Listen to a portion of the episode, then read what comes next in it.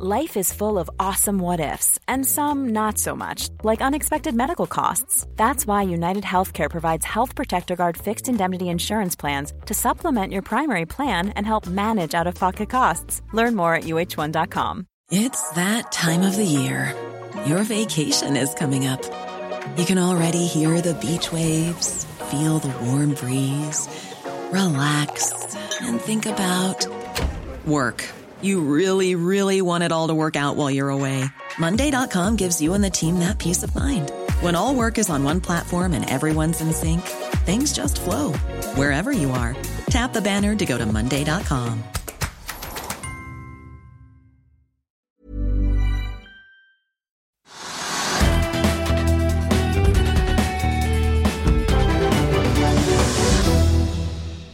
God tirsdag og velkommen til Økonominyhetene på denne 3. mai 2022, der vi har en rikelig buffé av en sending klar til deg i dag. Det blir både aksjetips, og vi skal høre fra sjefen i treningskjeden Sats, som har fått driften i pluss igjen. Og vi får også besøk i studio av Telenors finansdirektør, som nå bl.a. meisler ut en plan som kan utløse milliardverdier, samtidig som man jobber med å holde kostnadene under kontroll. Før vi kaster oss over dagens børsnyheter, så tenkte jeg vi skulle begynne med å se på markedet, og ikke minst hva som skjedde i går, da vi så det reneste flash-krasjet, særlig da i de nordiske markedene like før klokken ti. Det begynte jo i Sverige før det spredte seg til bl.a. Oslo og enkelte andre børser. Amerikanske Citigroup har i dag innrømmet at det var en såkalt pølsefingerhendelse fra deres side som ligger bak. Til Reuters skriver de en uttalelse at en av våre tradere gjorde en feil da han la inn en transaksjon. Nasdaq har uttalt at de ikke ser noen grunn til å annullere noen av handlene som ble gjort i sekundene etterpå. Hovedindeksen endte jo ned 1,7 i går til slutt etter denne dippen på formiddagen. Og i dag er vi ned ytterligere 0,1 prosentpoeng. Men på listen over de mest omsatte aksjene så er det mye mer blandet i dag enn det var i går. Både PGS, XXL og BVLPG bidrar til å løfte hovedindeksen i dag. Men det er eh, Veidekke, Valenius Wilhelmsen, Elkem, Aker Solutions og Telenor altså, som er eh, enda tyngre og trekker hovedveksten så vidt ned i eh, rødt. Ser vi på børsene rundt oss i Europa, så er de stort sett svakt opp opp i dag, mens futuresene på Wall Street peker mot en nedgang når det amerikanske markedet åpner om en times tid. Og Nordsjålen ligger nå på 106 dollar og 60 fatet, ned en snau prosent fra det prisnivået vi så i går mens den amerikanske lettoljen VTI ligger på 104 dollar fatet. Kvartalssesongen er jo i gang for fullt, og det har vært nok av rapporter å ta av i dag også. Aker Solutions har kommet med tall i dag, og de er en av dagens store tapere. Aksjen faller nesten 9% etter at de meldte om inntekter som steg fra 6,5 til 8,3 milliarder, og en bunnlinje som steg fra 27 til 175 millioner kroner, målt mot samme periode i fjor. Konsernsjef Kjetil Digre venter en inntektsvekst på over 20% i år, med en stigende inntjening. Han har jo kjøpt opp både Unitech Power Systems og også overtatt Rainpower fra Aker Horizons i løpet av kvartalet. og eh, Med en ordreinngang på 7 milliarder så klarte de nesten å fylle en book-to-bill på én. De lå like under. Ordreserven krympet dermed marginalt til 48 milliarder. Men eh, Aker venter en rekordhøy ordreinngang både i år og neste år, nå som man på en måte er ute av koronapandemien. Og ABGs Håkon Amundsen mener at dagens kursfall kan skyldes en frykt for at de mange ordrene som ledelsen eh, signaliserer, kanskje blir skjøvet litt ut i neste år. Uten at han er veldig bekymret for at det skal skje. Fremover venter Aker eh, flere år med økte investeringer i både olje, gass og også fornybar energi, bl.a. som følge av Russlands invasjon av Ukraina og den, det presset vi ser i energimarkedene. Aker har jo begynt å betale utbytter igjen og lover at de skal legge seg på et nivå på 30-50% av resultatet etter skatt. Norsk Hydro faller eh, nesten 4 i dag, etter å ha levert eh, et kvartal med rekordhøye resultater. Selskapet melder om både bedre marginer og volumer i bl.a. Extrusions-divisjonen og bedre resultater i energidivisjonen. Forbedringene ble delvis utlignet av høyere råvarekostnader, skriver Hydro, som så et hopp i omsetningen fra 32 til nesten 47 milliarder kroner, og et resultattopp etter skatt fra halvannen til 6,4 milliarder. Aluminiumsprisen eh, med tre måneders snitt steg i løpet av første kvartal fra 2808 dollar til nesten 3500 dollar tonnet, men Hydro påpeker at prisene svinger voldsomt, og at høye kraftpriser har bidratt til at flere smelteverk rundt om i verden har måttet kutte i kapasiteten sin. Kongsberg Gruppen stiger en drøy prosent i dag etter en melding om eh, nye ordrer på 1,4 milliarder til eh, komposittdeler til kampfly F-35. I tillegg har Kongsberg Digital kjøpt eh, det bulgarske selskapet Interconsult, som de har samarbeidet med siden 2004. I går kom meldingen om at Kongsberg Digital-sjef Hegge Styrseth skal over i konsernledelsen i Equinor. Og I morgen eh, slipper apropos Equinor sine resultater for første kvartal, men i dag har vi fått eh, BP sine. Den britiske olje- og energigiganten hadde et justert resultat etter skatt som økte fra 2,6 til 6,3 milliarder eh, dollar. Men resultat etter skatt det Eh, helt ned til minus 20,4 milliarder dollar. Ganske vanvittige tall, og det er takket være at BP tar et tap på over 25 milliarder dollar som følge av at man nå har kvittet seg med eierandelen i russiske Rosneft på 20% og trekker seg ut av landet. BP justerer også ned sin langsiktige guiding som følge av uttrekket fra Russland. Equinor har jo også varslet at de trekker seg ut av landet, og vi kan kanskje forvente at vi får høre mer om det på kvartalspresentasjonen i morgen.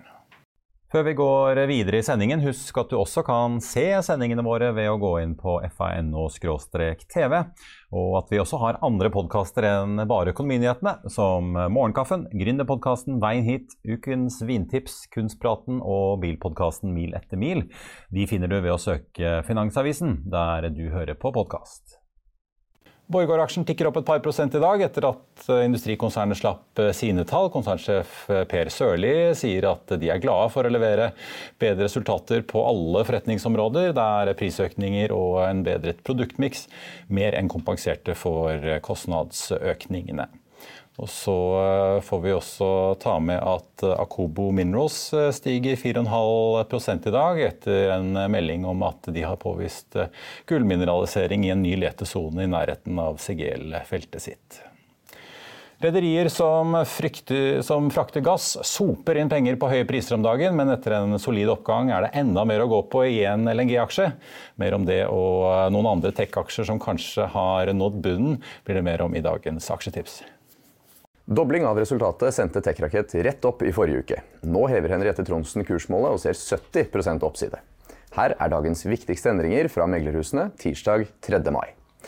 Nordic Semiconductor hadde sterke dager på børs i forrige uke etter dobling av bunnlinjen i første kvartal. Det har vært store problemer i halvledermarkedet den siste tiden, men Nordic Semi leverte varene likevel. I kvartalsrapporten skrev selskapet at de ser sterke vekstmuligheter langt forbi 2023, og opprettholder målet om inntektsvekst på 25% hvert eneste år fram til 2026. Det setter Henriette Tronsen i Arctic Securities pris på. Hun hever i dag kursmålet på aksjen fra 290 kroner til 300 kroner, og ser med det 70% oppside fra dagens kurs. Nordic Semi har falt tungt hittil i år, og mange analytikere mener nedturen er for stor. Hele ni anbefaler kjøp, tre hold og ingen selv. Tronsen er også ute med oppdatering på IT-selskapet Athea. Her er hun imidlertid noe mer kjølig og anbefaler hold med kursmål på 130 kroner. Aksjen har mistet en tredjedel av verdien på børs hittil i år. Eirik Håvaldsen i Pareto Securities drar opp kursmålet på Jon Fredriksens Flex LNG. Aksjen i energisektoren har steget markant som følge av Ukraina-krisen og følgende energimangel kan gi for Europa. Håvaldsens kollegaer i Clarksons Plateau skriver i en fersk rapport at LNG-markedet fortsetter å være sterkt som følge av at Europa gjør sitt beste for å holde seg unna russisk gass. Flex LNG har gått hele 60% på børs eh, på bare tre måneder, men Håvaldsen mener aksjen kan stige ytterligere 11% fra dagens nivåer. Og Nordic eh, Semiconductor-aksjen er opp 1,7 i dag. Flex LNG ligger rett rundt eh, null. Treningskjeden Sats slapp sine tall i dag, og med en inntektsvekst på 67% så bikket omsetningen eh, rett over milliarden. Som resten av treningsbransjen så har jo Sats slitt med mye nedstenginger under koronapandemien. Men nå er alle sentrene åpne igjen, driften er snudd til pluss, og medlemsmassen den vokser videre. Men hva skjer eh, videre nå som kjeden har skrudd opp prisene litt i gang? Kollega Anders Pedersen Bjergård tok en prat med Sats-sjefen litt tidligere i dag. Nå er jeg på Storosenteret sammen med konsernsjef Sondre Gravir i Sats, som nettopp har lagt frem kvartalstall. Hvordan vil du oppsummere første kvartal? Første kvartal var ved inngangen preget av pandemien, og så åpnet samfunnet opp. Og I februar og mars så har vi sett eh, høyt aktivitetsnivå. Medlemmene trener mer enn noen gang, og salget har vært bra. Så vi er fornøyd med både medlemsvekst og resultat i første kvartal. Hvilke trender er det du ser i treningsmarkedet nå? Det er eh, store endringer. Eh, det vi ser etter pandemien, er at de som trente aktivt før, de trener nå enda mer. Men det er en stor del av befolkningen som ikke har kommet skikkelig i gang enda, og som eh, fortsatt er det vi kaller passive. Og der har vi og alle andre aktører i bransjen et stort ansvar for å hjelpe hele befolkningen til å bli aktive igjen. Bunnlinjen er fortsatt rød. Hvilke tiltak skal dere gjøre for å bedre lønnsomheten? Ja, nå leverer vi et positivt driftsresultat i første kvartal. og Det vår lønnsomhet drives primært av, er jo medlemsutviklingen og inntektsvekst. Og Vi har god inntektsvekst og kommer til å ha det også fremover. Og det kommer til å også påvirke de finansielle resultatene positivt. Og Sats hentet jo 600 millioner kroner i en emisjon eh, tilbake i februar til 19,5 kroner aksjen. I dag faller aksjen 1% til litt over 17 kroner. Og Da skal vi over til dagens gjest og Telenor, som slapp sine tall i dag. Aksjen har falt eh, og ligger ned mellom 2 og 4% nå som markedet fordøyer alle nyhetene og alt som skjer i Telenor på én og samme tid. For i tillegg til en kompleks nedlegging av eh, det gamle kobbernettet her i Norge, så pågår det to fusjoner i Asia, muligens en til på tegnebrettet, samtidig som kostnadene stiger mange steder. Og man kanskje vurderer også strategiske nedsalg i deler av infrastrukturen. Eh, så da får jeg bare ønske velkommen Tone Bakke, finansdirektør i Telenor. Jeg har ikke rukket å komme til Myanmar Myanmar engang. Det er mye som skjer. Ja, det er klart. I Telenor så jobber vi på høy, høy, høygir i alle områder av selskapet. Veldig hektiske dager. Jeg tenkte vi bare skal begynne med nettopp uh, Myanmar. Det er jo nå et drøyt år siden dette ganske brutale militærkuppet var et faktum, og dere måtte finne ut hva dere skulle gjøre. Nå har dere jo da solgt dere ut og fått ut halvparten av kjøpesummen fra libanesiske M1 Group. Eh, så det har blitt 50 millioner dollar inn. Dere venter på, eh, på resten. Tror du at du kommer til å få de pengene noen gang? Jeg tror situasjonen i, i, i Myanmar er ekstremt eh, kompleks, og hva som vil skje fremover, er helt umulig å si. Og Det er jo også grunnlaget for at vi har ikke tatt inn disse, denne utsatte betalingen i bøkene våre. Så det sier jo litt om eh, sannsynlighetsvurderingene vi gjør. Men det er klart at eh, vi håper jo at vi vil få de, men, eh, men dette er en lang prosess som vil gå over fem år. Eh, dere har jo tatt store tap i regnskapet, selvfølgelig, nedskrivninger og sånn, men rent sånn kontantmessig så sa du i fjor sommer at dere regnet med at uh, summa summarum så var tapet omtrent 1,2 milliarder kroner. Hvis man ser på hva dere investerte versus hva dere har fått ut igjen, er det fortsatt det dere regner med? Ja, det er, det er omtrent der, der vi ender. Det som skjer i dette kvartalet, er jo at nå vaskes alle effektene ut av regnskapet. Og da får vi litt andre effekter eh, på cash eh, fordi at vi tar ut den virksomheten, men de, de, effektene er stort sett på det nivået. Jeg tenkte Vi må gå litt videre og snakke om eh, egentlig utsiktene deres eh, for resten av året. fordi Dere beholder jo guidingen som dere la frem eh, tidligere da dere la frem årsresultatet for 2021. Eh, så Dere venter jo en lav ensifret vekst, som det så fint heter, i inntektene. Men dere advarer jo nå om at driftsresultatene er ventet å henge litt etter. og Dere snakker jo både om energikostnader, tøff konkurranse i Thailand. Eh, denne kobbersaneringen i Norge, fusjonsprosessene. Kan vi ikke begynne med, med energi og, og, priser? Hvordan merker dere den inflasjonen som vi ser treffer store deler av verden nå? Ja, altså vi, eh, Hvis du tenker på energi, og hvis vi snakker om energi, så er det primært hittil vi eh, merker det i Norge og Pakistan. I de andre markedene så er det både ulike prisstrukturer i de lokale markedene, og så har vi også i Norden en noe, så er det også en noe annen prisstruktur vi har. Men i Norge har vi typisk hatt spotpriser på energi. Vi har jo et, eh, et nettverk som går over alle de fem prissonene i Norge. Naturligvis bruker vi mest energi i mer tettbebygde områder, og derfor i Sør- og Øst-Norge. Og Derfor så har jo vi også en betydelig økning i energikostnadene i Norge. Hvordan ser det ut eh, på en måte hvis du ser en ting da, Jeg skjønte at strømregningene sånn på konsernnivå var opp en 150 millioner eh, i kvartalet. Hvordan ser det ut på andre ting? Altså komponenter eh, når dere bestiller rutere, base, nye basestasjoner for 5G-utrullingen. Begynner alt å tikke oppover prismessig nå, eller? Foreløpig så har vi klart å håndtere dette veldig bra. og Det er jo basert på både at vi har gjort ganske store innkjøp og bygd opp en del varelager gjennom fjoråret. Eh, samtidig som vi har veldig stor innkjøpsmakt, som vi ser. Vi har jo tross alt 100 ca. 180 millioner mobilkunder, 170 millioner er det nå, i, over hele verden. Og det er klart at det gir oss en stor innkjøpsmakt. Og så ser vi også i dette kvartalet sånn som vi rapporterer, at faktisk så er våre personellkostnader noe ned dette kvartalet. Og det er jo et resultat av den moderniseringen og effektiviseringen vi har jobbet med over mange år. Men det er klart vi, vi ser også at det kan komme Eh, det er kanskje større global usikkerhet, men så langt har vi klart å håndtere dette på en god måte. Men Dere skriver jo at dere venter jo at dette vil vedvare utover i andre, halvår, andre kvartal andre halvår, og at dere har satt i gang en rekke tiltak. Hva er det dere jobber med på kammerset for å prøve å holde dette i sjakk? da? Nei, altså Vi jobber jo eh, eksplisitt når det gjelder energi. Så har vi, har vi gjort over tid, men har intensifisert nå, basert på den eh, kostnadsutviklingen vi ser på energi i Norden, et strukturelt program. Vi har jo veldig god erfaring med å jobbe veldig strukturert på dette. Det vi jobber med nå, er jo hvordan vi kan ta ned konsumet. For vi ser jo det at eh, vi bruker mer strøm. 5G trenger mer strøm. Eh, og vi må jobbe med å få ned konsumet vårt i porteføljen. Så det er ett initiativ.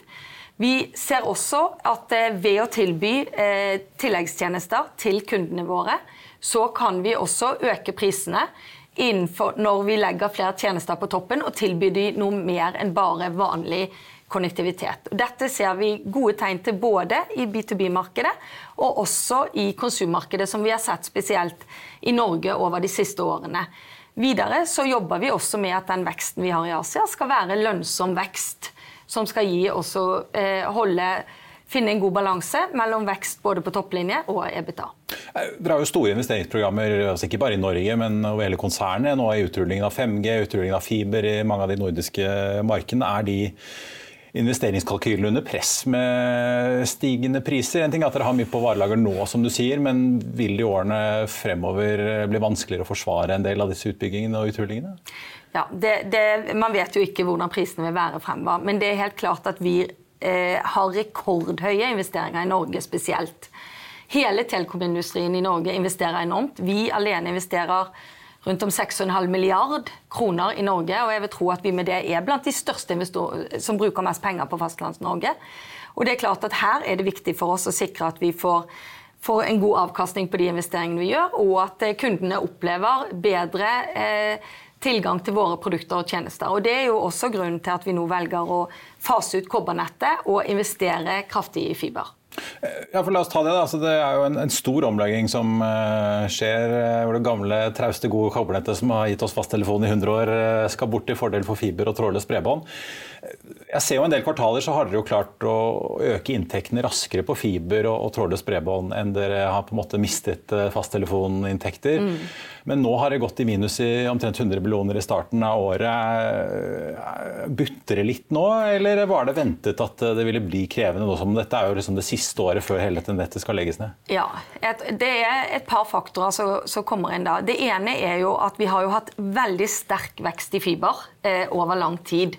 Så da har det klart å imøtegå det. Det andre er jo at vi ønsker jo å stenge kobbernettet nå i år. Og da må resten av kundene ut. Og vi ser også at kundene ønsker andre typer kommunikasjonsløsninger og måter å eh, knytte seg til omverdenen på.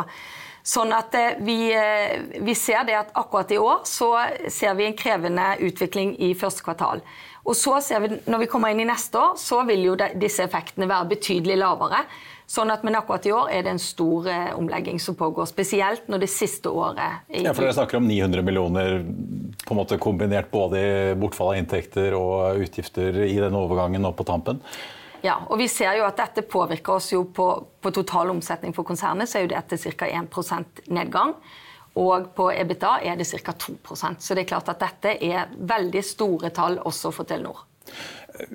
Vi hører litt om disse fusjonene i eh, Thailand og eh, Malaysia. som jeg skjønner, eh, Selv om det har vært noen sånne bekymringer fra malaysiske myndigheter, så har dere fortsatt troen på at dette skal gå gjennom? Ja. Vi ser at disse transaksjonene de går jo, Der er jo en definert prosess hvordan disse transaksjonene skal gå. Og de følger den prosessen. Og så er det ikke alltid så lett å si akkurat hvilke tidslinjer som vil, vil gjelde i forhold til eh, den dialogen som er med de ulike partene. Men vi har ikke noe som tilsier at vi ikke tror på disse. Vi ser tvert imot at eh, vi går gjennom de stegene som er planlagt. Og vi forventer nå at begge disse transaksjonene skal eh, avsluttes og closes i løpet av andre halvår. Men 100 millioner i eh, merkostnader på disse to fusjonene og nedleggelsen, hvis man kan kalle det i Myanmar, var det ventet at eh, regningene skulle komme opp i den summen? Altså det vi må huske på er at det, Disse transaksjonene i eh, Thailand og Malaysia det er jo enormt store selskaper. Dette er jo selskaper som ville vært blant de største på Oslo Børs også, hvis du hadde fått det til. Så, eller hvis du hadde gjort den transaksjonen i Norge. Så det er klart at det, det er betydelige kostnader knyttet til, eh, til denne type transaksjoner.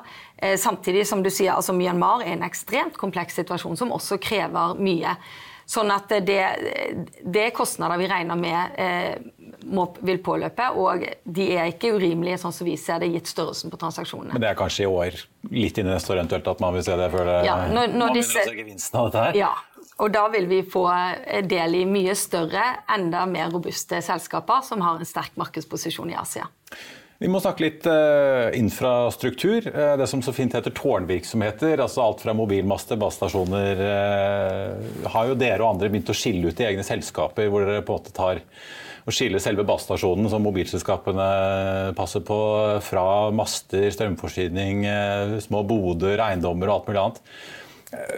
Nå har dere begynt å skille ut dette som et egen, egen post i, i uh, regnskapet. Det, kan vi forvente at dere kommer med noe signal om hva dere skal gjøre med disse selskapene i løpet av året? Om dere vil uh, kanskje invitere inn noen andre neste år? Ja, altså eh, jeg tror først det er viktig å være klar over at dette er jo en annen type virksomhet enn eh, det å selge konnektivitet til andre. Sant? Så dette er den passive delen av eh, vår, vårt tilbud til, til kundene. Det vi ser er jo at det er jo en trend eh, i Telekom, men også andre steder, at man, man ser litt eh, på, på, ulike deler av verdikjeden. Dette er jo en eh, Vi ser her at ved å, å, sette opp det som et eget selskap og ha noen som har dedikert fokus på hvordan dette bør driftes, så har vi sett positive resultater nå over to år. Ja, for Det blir jo litt som å drive, altså drifte kontorbygg, egentlig. Og så er det at bedriften som driver inni der, kan eh, fokusere på andre ting? Ja, det er i hvert fall den type Det er en helt annen type eiendels- eh, og, og eh, asset-base, som er jo et dårlig norsk ord, enn det man har i andre deler av virksomheten. Så vi tror dette er bra å skille ut. Så vil vi vurdere hva vi gjør. Vi vil fortsatt ha fokus på det. Vi ser at vi tror også med alle de endringene som kommer etter hvert som vi digitaliserer samfunn, vil det være mer aktuelt for flere å, å tilby tjenester og produkter, f.eks. på en basestasjon. Og den, eh, den, type inntekter ønsker vi å oppnå. Og så vil jo vi selvfølgelig vurdere hvordan den langsiktige eierstrukturen skal være for dette. Og det vil vi komme tilbake til senere i år. Kanskje på kapitalmarkedsdagen. Ja, Dere har invitert til det i dag, 20.9. Eh, ja, hvis man ser på konkurrenten deres Telia, så har jo de frigjort nesten 13 milliarder kroner med å selge halvparten av de norske, finske og svenske tårnselskapene sine, som enten har gått til å redusere gjeldsgrad eller uh, blir sendt i retur til aksjonærene. Ja. Det er ganske store verdier som da frigjøres. Uh, hva vil du si til de aksjonærene dine som kanskje er lystne på å få ut litt kapital? Ja, altså det vi ser er jo at, og Dette er jo grunnen til at vi også skiller det ut. fordi at Vi ser at eh, markedet setter ulik pris på ulike deler av vår verdikjede. og Da er det jo viktig først og fremst å, å, synliggjøre hva vi har av verdier innenfor de ulike områdene. Eh, og eh, våre aksjonærer kan være trygge på at vi vil til enhver tid gjøre det vi mener gir best avkastning over tid eh, for våre aksjonærer. I år så regner dere med at denne virksomheten uh, vil ha 3 milliarder i, i omsetning. Eh, og så må du nesten forklare noe for meg, for dere sier at eh, en brutto driftsmargin på 45 ex-lease, som jeg skjønner er et sånn bransjebegrep i da, tårnselskaper. Hva, hva, er egentlig det? Jo, fordi at Tårnselskaper har jo selvfølgelig høye inntekter fra at andre leaser på dem. Sånn at dette er en måte å gi et litt mer granulært bilde på, for da er det etter utgifter til leasing. Sånn at eh, det er bare ett et nivå lenger ned i, i PNL-regnskapet du, du, måler lønnsomheten. Dere har en utleiegrad nå på 1,6 i snitt av porteføljen. Sverige ligger på topp med, med, litt over to. Har dere noe mål om hvor høyt dette må for å få liksom en god nok inntjening til at dere føler at nå er vi der vi ønsker å være? Nei, vi har ikke satt det. Som, som du sier, så er det veldig varierende. Eh, og dette avhenger jo av om du har tårn i veldig tettbygde strøk, eller om du har tårn i, i, i litt mer eh, ja, litt mer. Og i Norge har jo vi 8500 basestasjoner. Vi, vi, dekker jo hele Norge. Sørger for at du får god mobildekning overalt. Eh, sånn at det er ikke naturlig å sette krav til en, eh, en, en lik utleiegrad overalt. Men det, vi, det som er klart, er jo at vi fokuserer jo på at vi skal ha flest mulig eksterne leietagere på våre tårn. Til slutt eh, så vil jeg høre om uh, noe nytt som jeg har hørt i dag. og det var Nemlig at dere vurderer å skille ut et, et fiberselskap. Eh, litt det samme som mobilselskap, altså med den passive delen av mobiltårnene, men da for fiber. Hvorfor er det noe dere vurderer som et eget selskap, og ikke en del av da, Telenor Infra eller Telenor Towers? Ja, altså, Som vi sagt, sa i dag, så evaluerer vi også dette. Det, det er jo litt samme eiendelstype som Tårn er. Eh, det, det, derimot vi ser på Fiber, er at Fiber har jo fremdeles store investeringer foran seg. Vi ønsker, eh, vi har ikke en like dominerende eh, posisjon i det norske fibermarkedet, og spesielt ikke i en del regionsområder. Der er vi tvert imot ganske små. Vi ønsker å være en sterk spiller i det norske fibermarkedet. Da kreves det betydelige investeringer også fremover. Og så er det vel en evaluering som vi pågår, er hvordan er den beste måten eh, å vokse et, eh, vår satsing innenfor fiber. Samtidig som vi ser på tonn, så er det en trend i industrien at også denne type eiendeler verdsettes på helt andre eh, multipler enn eh, da eh, tradisjonell telekomvirksomhet. Og Derfor finner vi det naturlig når vi ser de trendene som er, at vi også gjør evalueringer rundt dette. Ja, for da er det Gitt at dere tar inn eksterne investorer, så er det snakk om uh, infrastrukturinvesteringer, men med ganske forskjellig profil, da, i og med at uh, fiberselskapet vil kreve mye mer ny kapital inn. Ja, så ja. dette vil være også et selskap som vil ha en sterk vekst og høy investeringsgrad i begynnelsen. Tone Bakke, finansdirektør i Telenor, takk for at du kom til oss. Og så skal jeg ønske deg en god tur på eh, det som på godt norsk kalles roadtrip, som jeg skjønner er den første fysiske turen dere i Telenor-ledelsen har på ganske lenge? Roadshow, ja. ja roadshow med det. Ja, ja, ja, roadtrip. Det, ja, det kunne vært fint, det òg. Men i dag er det roadshow. Tusen takk, Marius. Takk skal du ha. Hei. På tappen av sendingen så kan vi ta en liten titt på markedet akkurat nå. Hovedindeksen har eh, nå lagt seg på 1220 poeng. Det er en oppgang på 0,15% Telenor, som vi akkurat snakket med, er ned eh, snaue 4% 3,98 til 127 kroner og 90 øre i dag. Aksjelutions, eh, som også har sluppet tall i dag, en av dagens store tapere, ned 9,1% på Oslo Børs nå. Sats ned 1,15% etter sin kvartalsrapport, mens eh, Nordic Semiconductor som vi hørte om litt tidligere, er opp 1,3 i dag. På listen over de mest omsatte aksjene så er det Equinor som ligger på topp med en oppgang på 1,5% Norsk Hydro ligger ned 2,7% etter sin eh, kvartalsrapport. Og Nordsjøoljen ligger nå på 106 dollar fat blank i spotmarkedet. I Finansavisen i morgen kan du lese Trygves leder om tog, lederlønninger og at samferdselsministeren bør skjerpe seg. Du kan lese om Edda Wind, som ser behov for enda flere skip innen havvindsektoren. Det blir børsintervju med Sparebank Markets Kristoffer Møller Løkken. Og så har NHO og LO blitt enige om én ting. At Trygve Slagsvold Vedums kjøpekraftregnestykker bommer. Og Det var vår sending på denne, tirsdag, på denne, tirsdagen 3.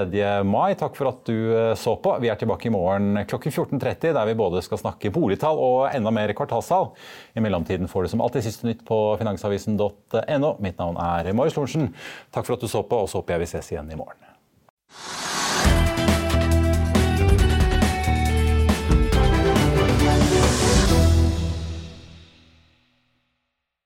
Økonominyhetene er en podkast fra Finansavisen. Programledere er Marius Lorentzen, Stein Ove Haugen og Benedikte Storm Bamvik. Produsenter er Lars Brenden Skram og Bashar Johar. Og ansvarlig redaktør er Trygve Hegnar.